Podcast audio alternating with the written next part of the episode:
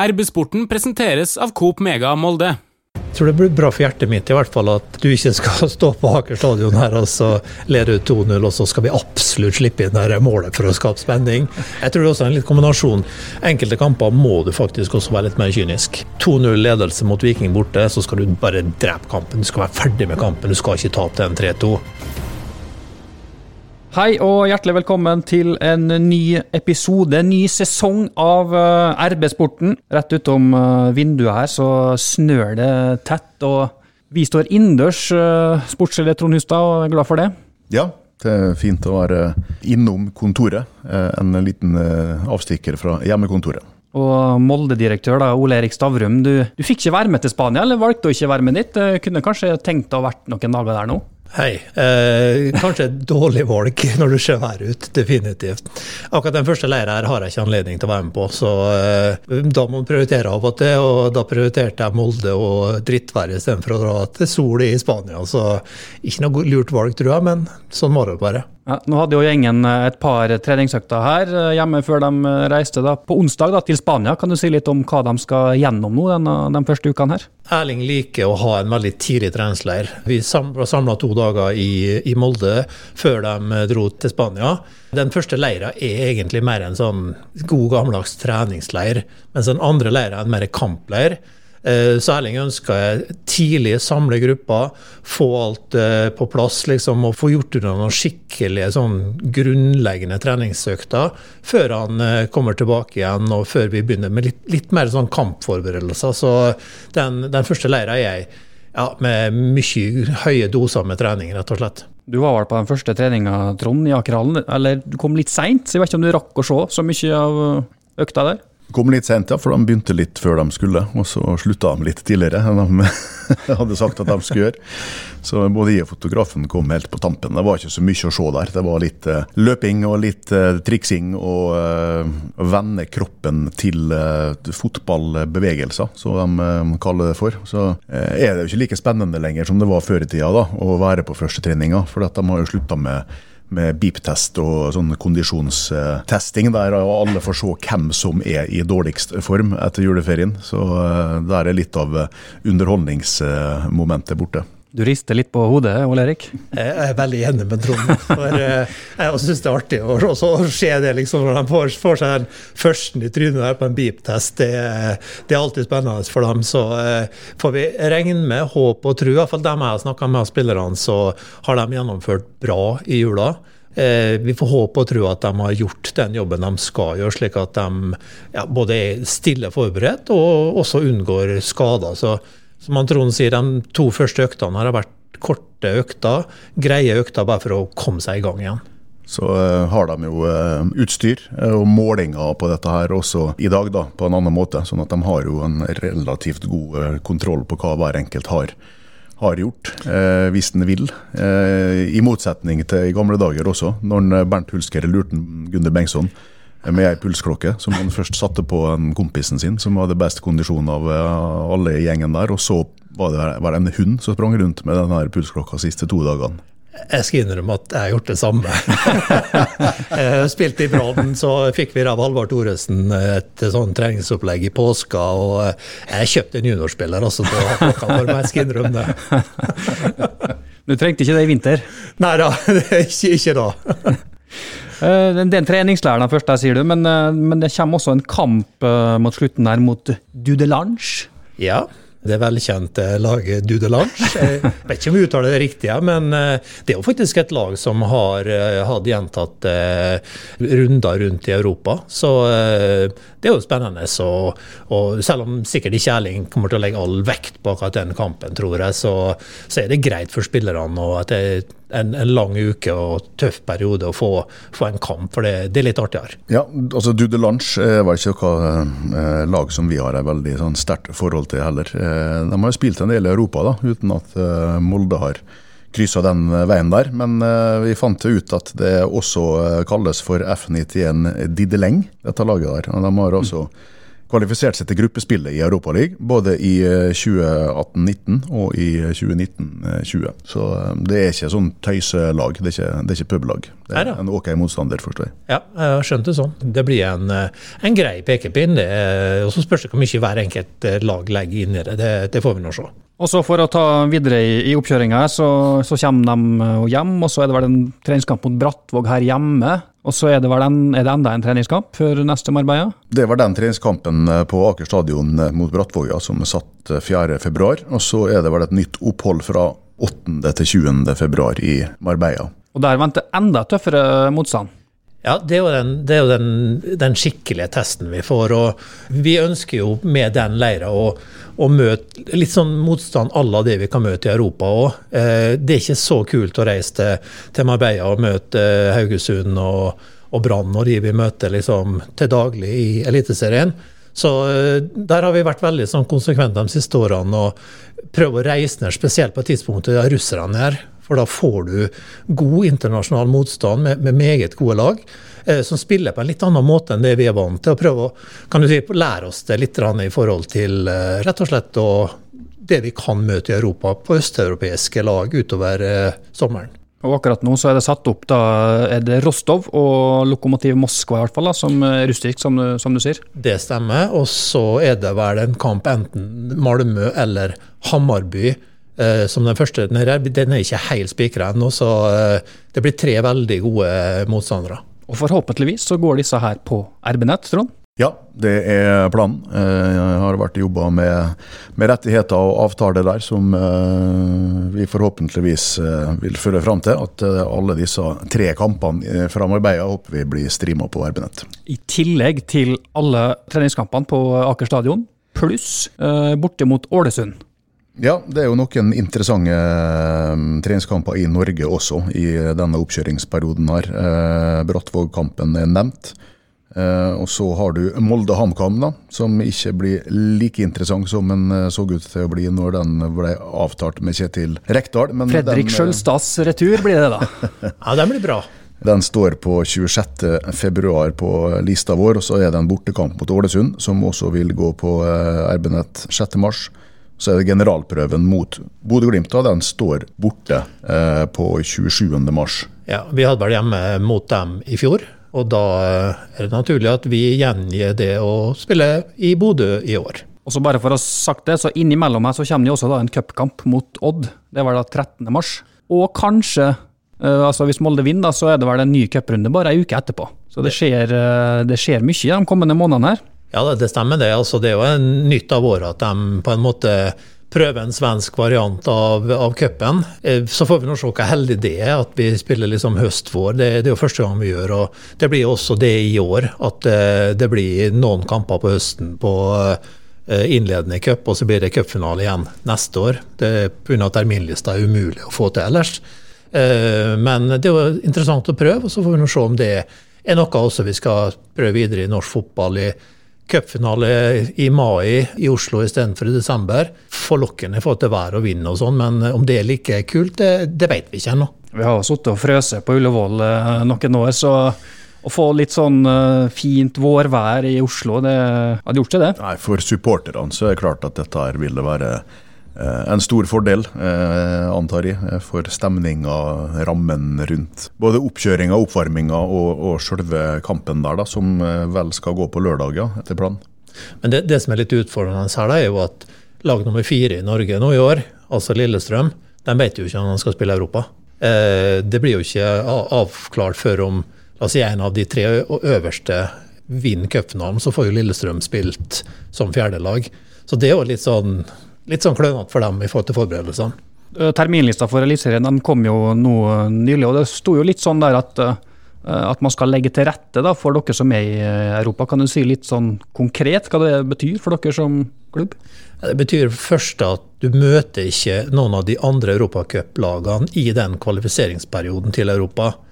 Og så er det at vi har mulighet til å flytte to hjemmekamper fram eh, i tid. i forhold til at Hvis vi, hvis vi ønsker imellom rundene å ikke spille hjemlige hjemlig serie, så kan vi flytte to hjemmekamper.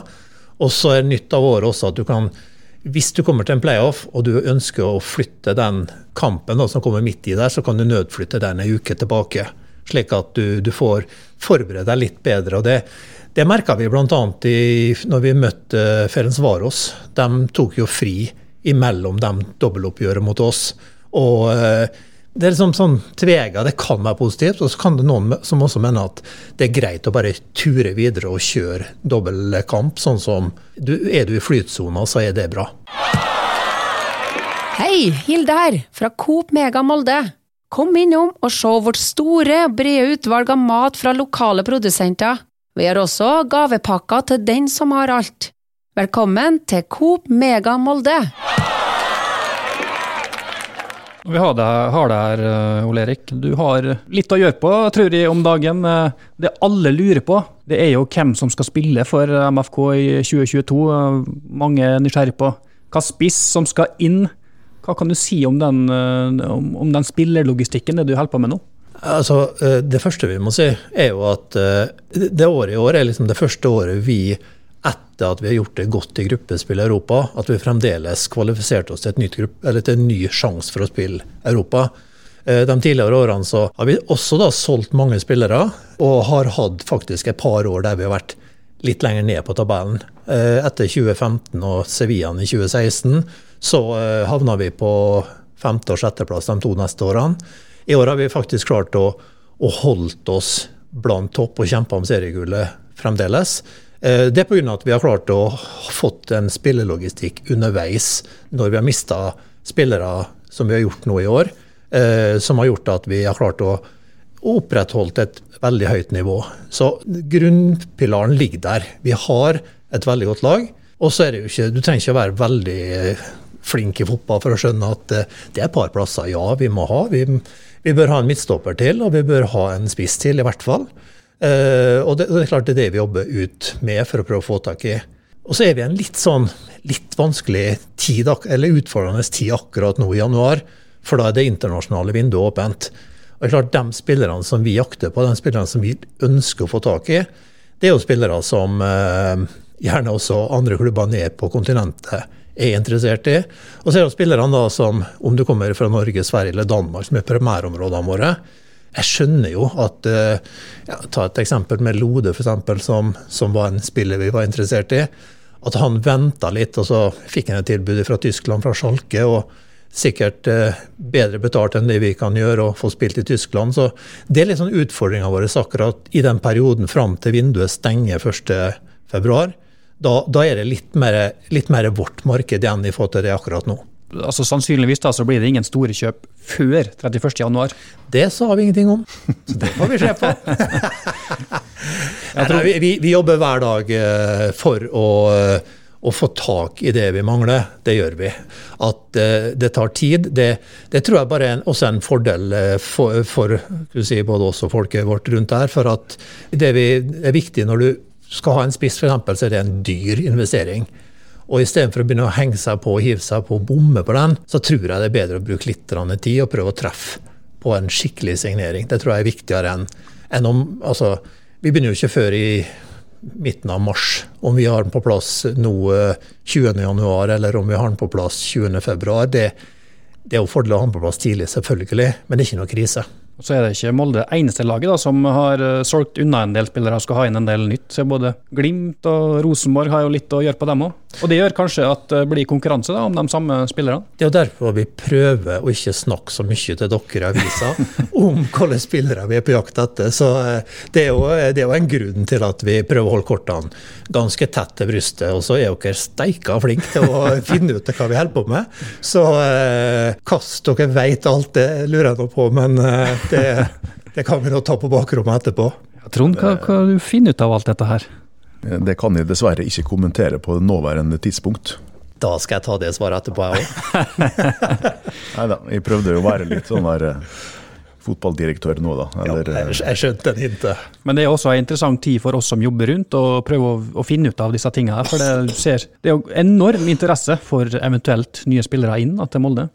Det er en voldsom interesse, eh, og det er jo først og fremst et eh, stort sunnhetstegn. Eh, at engasjementet er stort, og at det er mange rundt Molde fotballklubb som nå er veldig opptatt av, av hvem som kommer inn, hvem som skal, skal, bidra på laget neste sesong. Mange mener jo for så vidt at vi skulle skrevet mer om dette her enn vi gjør.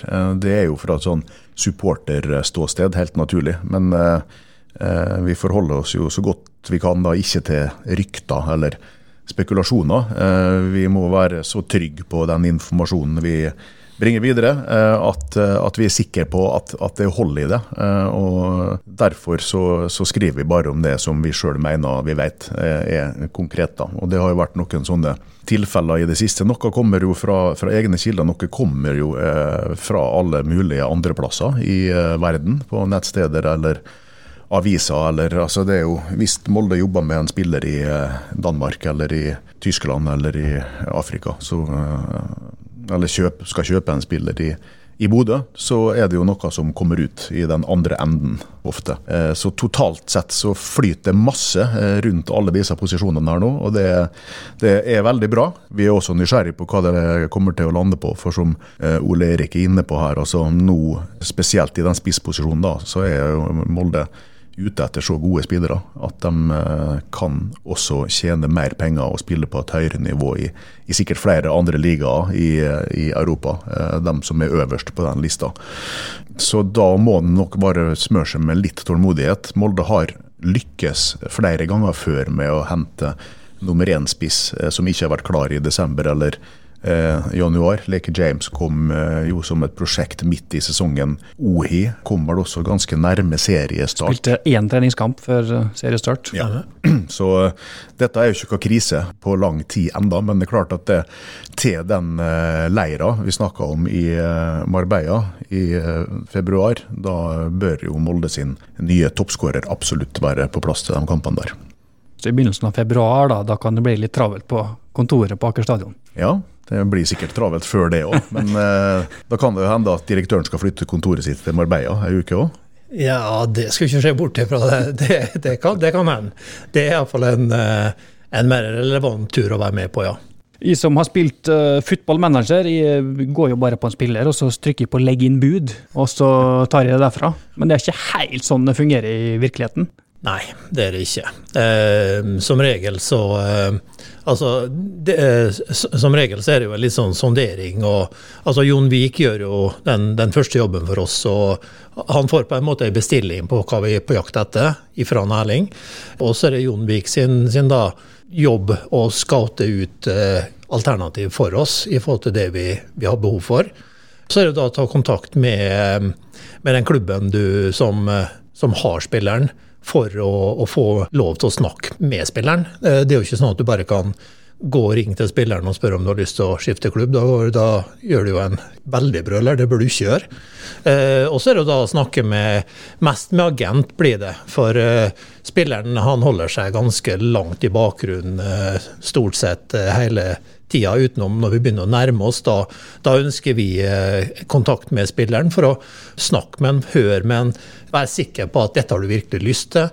Dette er en, eh, en spiller som vi har lyst til å ha, slik at du, du matcher den eh, før du gjør ferdig en kontrakt med spilleren. Så blir det et lite jobbintervju da, inni der? Ja, det, det, har vi gjort. I hvert fall at vi, eh, vi, vi ønsker å snakke med spilleren. Vi, vi, har jo kontakt med spillere om det er på kamper, eller, eller du vet seg med i aviser, du vet seg med på TV. Du har et inntrykk av spilleren. sant da? Men, men, det er klart at det å få snakka med en sjøl, det syns vi er viktig. Og så er det da, når, når, du er ferdig med den personlige kontrakten til spilleren, så er det å få han opp hit, og så få han på medisinsk. Eh, da skal han jo eh, ha en rekke prøver ifra jeg skulle si topp til tå, altså gjennomgå tidligere skader. Har han vært skada tidligere, så sender vi på sykehuset og tar MR og en del slike ting, slik at vi, vi vet at reskaden der er minimalt eh, risiko for. Eh, og så er det alt mulig av, av medisinsk skanning vi gjør på en spiller. Det er en sånn Uefa-test eh, som kjøres på, eh, før eh, vi får go for å da gjøre ferdig kontrakten med spilleren. Jonvik har vi hatt som, som, gjest her tidligere, han har jo snakka litt om disse tingene her, da, men han er på en måte kanskje på mange måter den viktigste brikken da, i, i dette spillet her? Jonvik er fantastisk flink. Han er den desidert flinkeste scouten i Norge. Han reiser ja, og ser så mye fotball. Man syns ikke at han ikke er lei snart av å se alle disse fotballspillerne. Men, men han, eh, han, reiser og reiser og reiser og, og ser eh, klubber rundt omkring. Og så han har en teft han har et øye for, eh, for spillere med litt sånn ja, X-faktor høres så jævla kjedelig ut, men det er liksom å ha det lille ekstra. Og at Jon klarer å se Markus Holmgren Pedersen, f.eks., som Tromsø ikke så, de, selv om de hadde den i klubben. Det forteller jo litt hva flink Jon egentlig er. altså. Det siste eksempelet, Markus André Kaasa. Ja, Kaasa er en spiller vi har sett på veldig lenge. Vi, vi trenger en sånn uh, løpsmaskin på midtbanen. Uh, han er jo uh, en spiller som, som, som, dekker veldig store flater. ligner litt på Fredrik Aursnes i, i, måte å være på. Altså, han er en utrolig god spiller som vi kommer til å gjøre hakket bedre hele veien. Som gjør at vi tror at han kommer til å bli veldig god i løpet av sesongen. Og jeg som har spilt, jeg har spilt både footballmanager og Fifa, der har vi jo et sånt transferbudsjett så og så mange millioner kan brukes per sesong. Har du det samme? Ja, men jeg har ikke like mye som du har på, på Fifa. Det har jeg ikke. Ja da, det har vi. Så det er fastsatt da, før eh, du begynner å hente gjengen? Ja, så derfor så må en være så kjip som mulig for å prøve å få tak i spillere. Og det er jo et vanskelig marked, det òg. For klart at uh, du ser på, hvis du ser på Bodø-Glimt, som har solgt uh, spillere for høye summer nå. Vi solgte for bra i i, i fjor eh, i løpet av, av sesongen, så, så, tror nok også klubber som vi snakker med, at de, ja, de skal få på nivå med det. Eh, det de kanskje ikke helt er med på, da er jo at eh, spillere blir lagt merke til når de spiller i Europa. Mm. Det er klart at eh, Markus Kaasa vil ha en høyere eh, salgsverdi når han spiller godt i Europa. Eh, det er jo derfor Markus Holmgren Pedersen ble solgt, for han spilte jo utrolig godt mot Hoffenheim og Granada, som gjorde at eh, klubber i Europa så han. Jeg tror ikke de klubbene har sett han hvis vi bare har spilt i hjemlig liga her. Jeg må bare spørre, da. Hvor stort er transferbudsjettet i år? Det er greit. da legger vi den der. Men det er jo eh, sånn at det budsjettet sannsynligvis er større, da, og kanskje ganske mye større enn det har vært enkelte år tidligere, hvis du går litt tilbake i tid. For at dere har jo faktisk solgt for veldig store summer over flere år nå i, i norsk målestokk. Sånn at selv om MFK ikke selvfølgelig i, altså i business er business, du vil jo ikke betale 100 000 eh, for mye for en spiller, eller en million for mye. Men nå finnes jo fundamentet der i økonomien, og det er jo kjent at det finnes en vilje også i, på toppen av systemet her til å bruke penger nå for å erstatte de spillerne som er borte. Sånn at eh, Molde byr jo vel nå på en spiss på en annen måte, på et annet nivå enn den gjorde for to, tre, fire og fem år siden. Men så er det også viktig å, å, å, være helt klar på at vi må være eh, vårt ansvar bevisst her. Altså Vi kan ikke bare hive penger ut gjennom vinduet og, og bruke masse penger. Det, det, derfor er det så viktig for oss at når du først går etter en, en spiller, om det er en spiss eller om det er en midtbanespiller med Kåsa, så må vi være sikre på at vi gjør det riktig. For at, uh, det, det, er ikke det som koster oss de, de spillerne som, som, spiller hele tida og leverer. Altså, OI var en kjempedyr spiller. Men det gjør oss ingenting så lenge han presterer sånn som han gjør. Uh, skal vi bruke penger, så må vi bruke penger på spillere som veit kan prestere for oss. Apropos alle spekulasjonene vi var innom i stad. Uh, det har jo uh, vært kjent nå at Molde har scouta en, en, midtstopper også i dansk fotball. Gomez, som spiller i i uh, Horsens. Det er jo sannsynligvis uh, heller ikke en billig spiller i, uh, i norsk målestokk. Det blir jo sagt at det første budet til Molde ble, ble, avvist. Og så har jo han dratt til Afrikamesterskapet nå og spilt to meget solide kamper for Gambia. Det Molde så der for tre måneder siden eller et halvt år siden, eller hvor tid det måtte være, det var jo en mulighet til å, å hente en sånn spiller som er 21 eller 20, rundt 20 år for en rimelig penge i anførselstegn. Men eh, hvis han leverer videre sånn i Afkon nå, så må han jo regne med at det kommer en annen klubb og betaler mye mer enn det Molde kan gjøre. og og, og, og, kjøpe han i stedet for. Så Det er jo det er mye arbeid som er lagt ned, sikkert, som, eh, som det aldri blir noe av. Det, det er nok helt enig med deg. Altså det er klart, du, du er borti veldig mange spillere. og Du er i dialog med, med, med mye forskjellige både klubber og spillere og den biten der for å, for å få satt sammen en, en, en spillestall til slutt. Enkelte spillere vinner du, enkelte spillere taper du. Sånn er bare gamet her. Og eh, da må vi liksom se litt hva vi er igjen i i næringskjeden òg. Det er såpass ærlig må vi være at uh, du har en, noen klubber nede på kontinentet som er mer attraktivt enn oss. Og det skjønner vi jo at, at spillere da både sitter og venter litt, og at vi kan tape en del spillere på det. Det har vært store inntekter, som uh, Tromsø har, da, på spillersalg siste åra. Kan du si litt om hvilke klausuler på en måte som ligger på, på, spillere? altså Hvor mye dere kan tjene videre på når det blir solgt til enda større klubber og den biten der? Ja, um, I Norge så har vi ikke lov å ha sånn såkalt tak på overganger. Der du liksom sier at du må betale så og så mye. Sant, da. Du, du, du, trenger ikke betale mer enn det. Vi hadde jo altså, Erling Braut Haaland. Der kom det inn en sånn, sånn klausul som gjorde at de, det reduserte våre muligheter til videreinntjening. Vi, vi har en, en prosentandel på den neste overgangen, og kanskje også den neste etter det igjen, eh, i de fleste kontraktene våre. Eh, og så har du den, den utdanningskompensasjonen der 5% av, av den overgangssummen der spillerne er mellom en viss alder, eh, tilfaller de klubbene som hadde dem i den. Så det er klart, Terling Braut Haaland, vi, vi, har vel en ca. en prosent av den, eh, den, neste overgangen på han. Og det, det kan jo bli pene penger, selv om vi ikke får noe annet enn det halvannen eller to milliarder der, så skal du gi en liten slump i, i klubbkassa det? Ja, bruk kalkulatoren, så er det greit, det.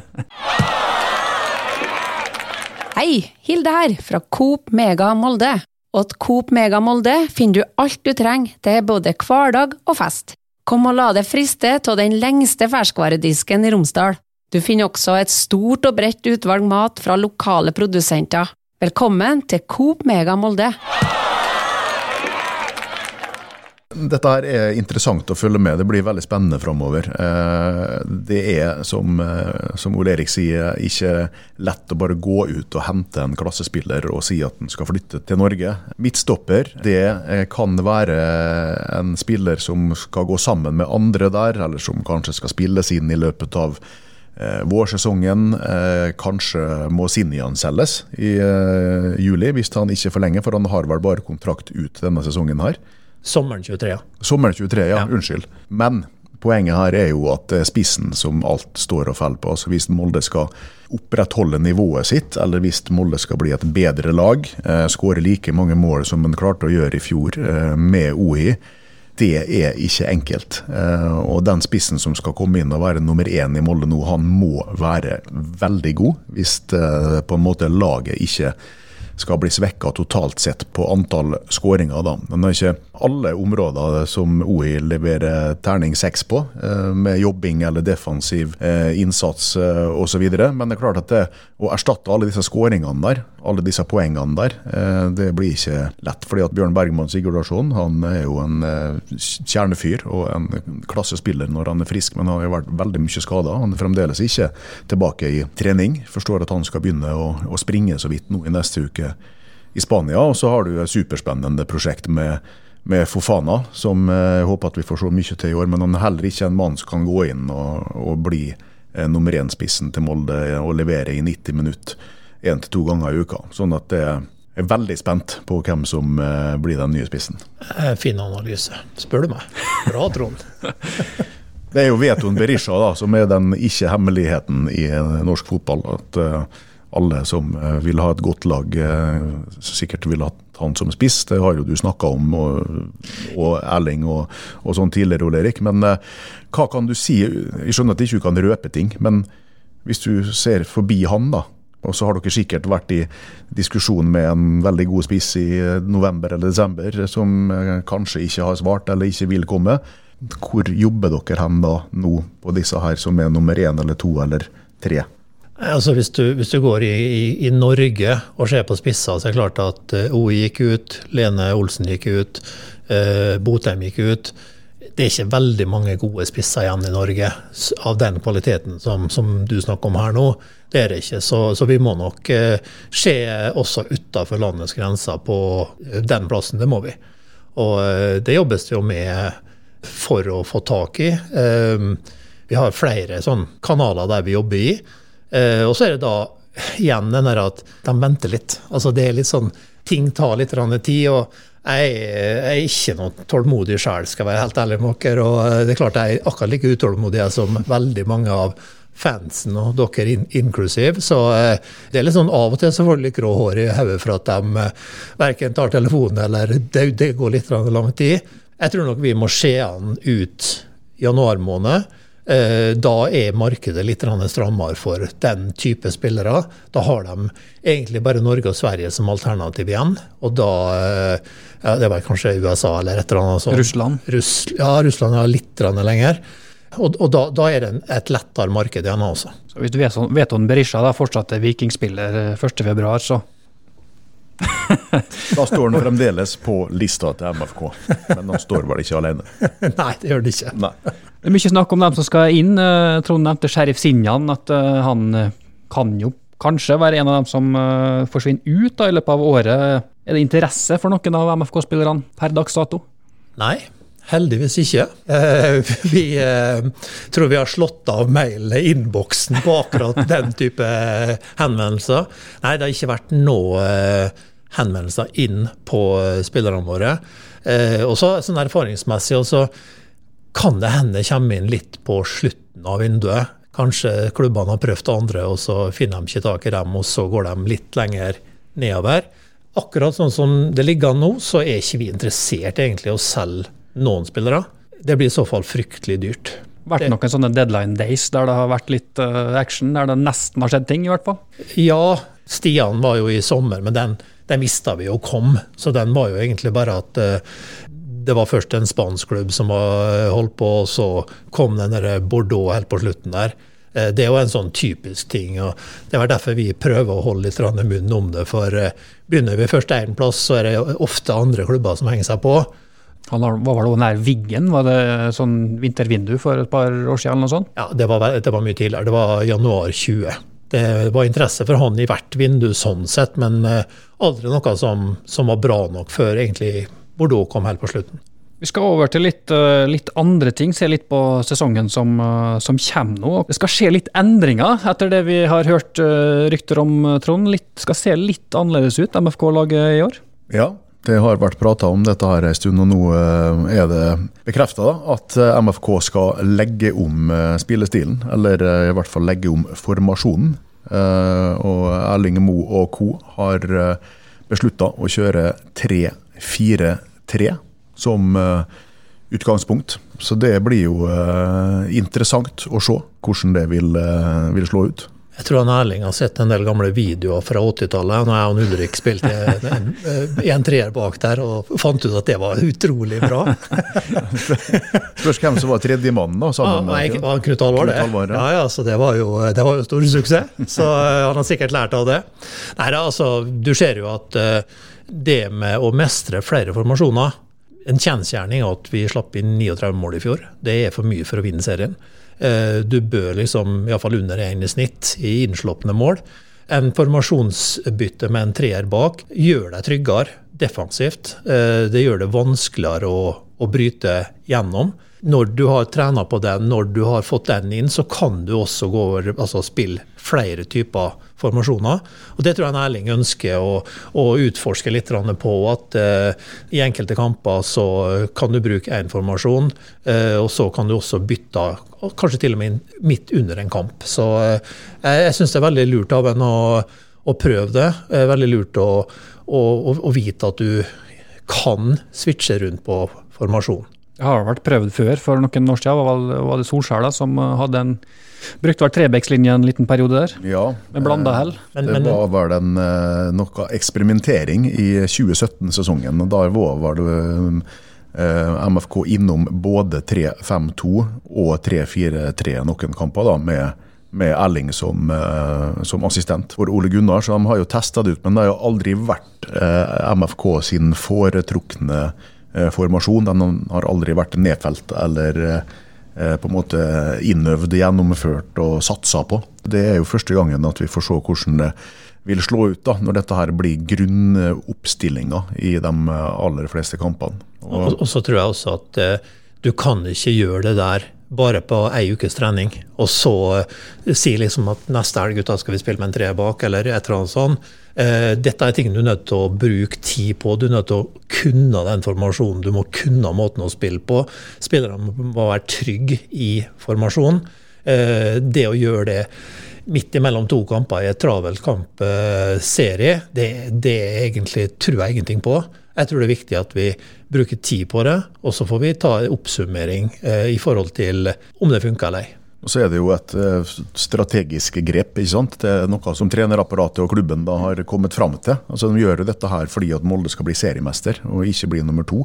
I dette her eh, implisitt så ligger jo også det høye presset som eh, alle andre store klubber med denne formasjonen her er, er flinke til. Og som, eh, som Erling Moe også snakka om, at nå skal Molde stå høyere i banen. Du skal ha flere folk der når du mister ballen, og du skal jobbe beinhardt og du skal vinne igjen. Og så skal du utnytte de offensive egenskapene og, og kombinasjonene til å skape enda flere sjanser og enda flere, flere mål ut av det.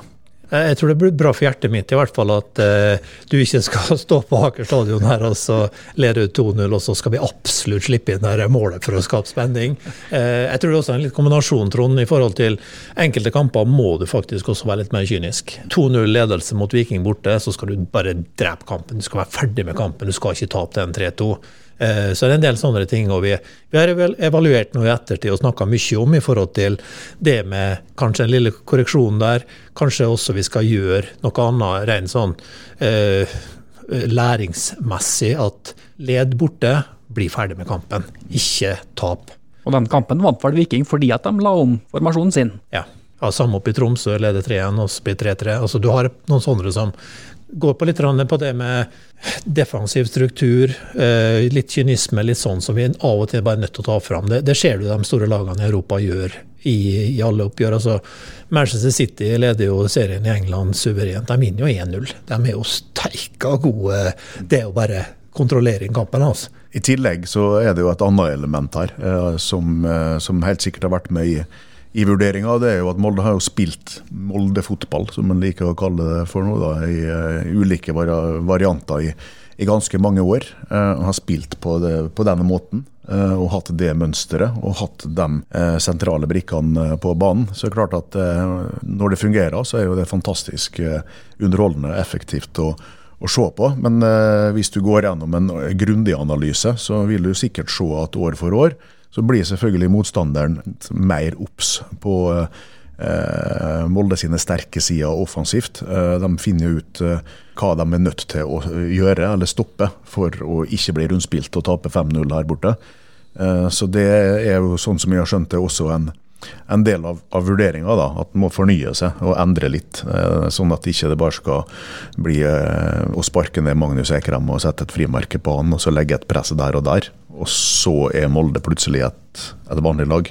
Og så er det også til å si at vi, selv om du gjør en liten formasjonsendring, og gjør litt sånn, så, så ønsker vi fremdeles å stå, framstå som et uh, offensivt, positivt lag som skal spille artig fotball og kalle Molde-fotball, eller hva du vil kalle det. Iallfall. Vi skal underholde, vi skal spille offensivt og god. Vi skal prøve å skåre like mye mål. Klarer vi da å redusere litt bakover, så, uh, så jeg tror på at det, det er løsninga. Så etter to sølv nå på rad, så er det dette her som skal løfte Molde helt til topps igjen? Ja, det er ikke bare det her, selvfølgelig. Det er masse ting vi gjør hver dag for å bli hakket bedre i alle punkt, på overalt. Eh, både på og utafor banen. Eh, så det er klart at eh, en formasjonsendring i seg sjøl gir kanskje ikke gull, men alt, summen av alt annet kan være med å bidra til at vi tar gull igjen. Er det Molde og Bodø-Glimt det skal stå mellom i år igjen, tror du? Ja, det tror jeg nok at begge vi to lagene kommer til å være oppi her. Jeg er jo spent på eh, hva Kjetil får til oppe på Lerkendal. Jeg er jo alltid redd for Rosenborg. Etter å ha spilt mot dem i alle de årene og kommet nummer to og tapt mot Rosenborg, så er jeg alltid spent på Rosenborg. Jeg tror ikke de har alt på plass ennå. Og så er jeg litt spent på Viking. Jeg syns Viking har, har, har et spennende slag på gang og gjør mye riktig. Og det er jo et fryktelig kjedelig tips. Det er jo, det er jo stort sett det samme som var, var i fjor. Men eh, jeg tror nok at både vi og, og Bodø-Glimt kommer til å være med og kjempe, ja. Kunne jo vært greit å svekke Viking, kanskje? da? Få kjøpt noen av de gode spillerne derfra? Jeg skulle til å si det, at det er jo bare å hente Berisha, så blir jo ikke Viking nummer tre. bare. Det er jo sikkert mange spillere på, i den loopen og på den lista som MFK har vært innom, som er bedre enn Vedon Berisha. Men det er klart at han i den posisjonen han er i nå, med lang kontrakt og med den sportslige oppturen som Viking eh, har hatt, så er han sannsynligvis også like dyr å løse ut som eh, en god spiller fra utlandet. Ja, det vil jeg absolutt uh, tro.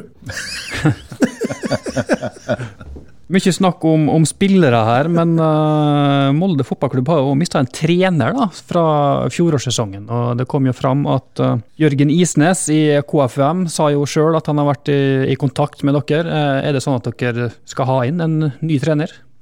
Ja, planen er å, å ha samme antall i støtteapparatet som vi hadde i, i fjor.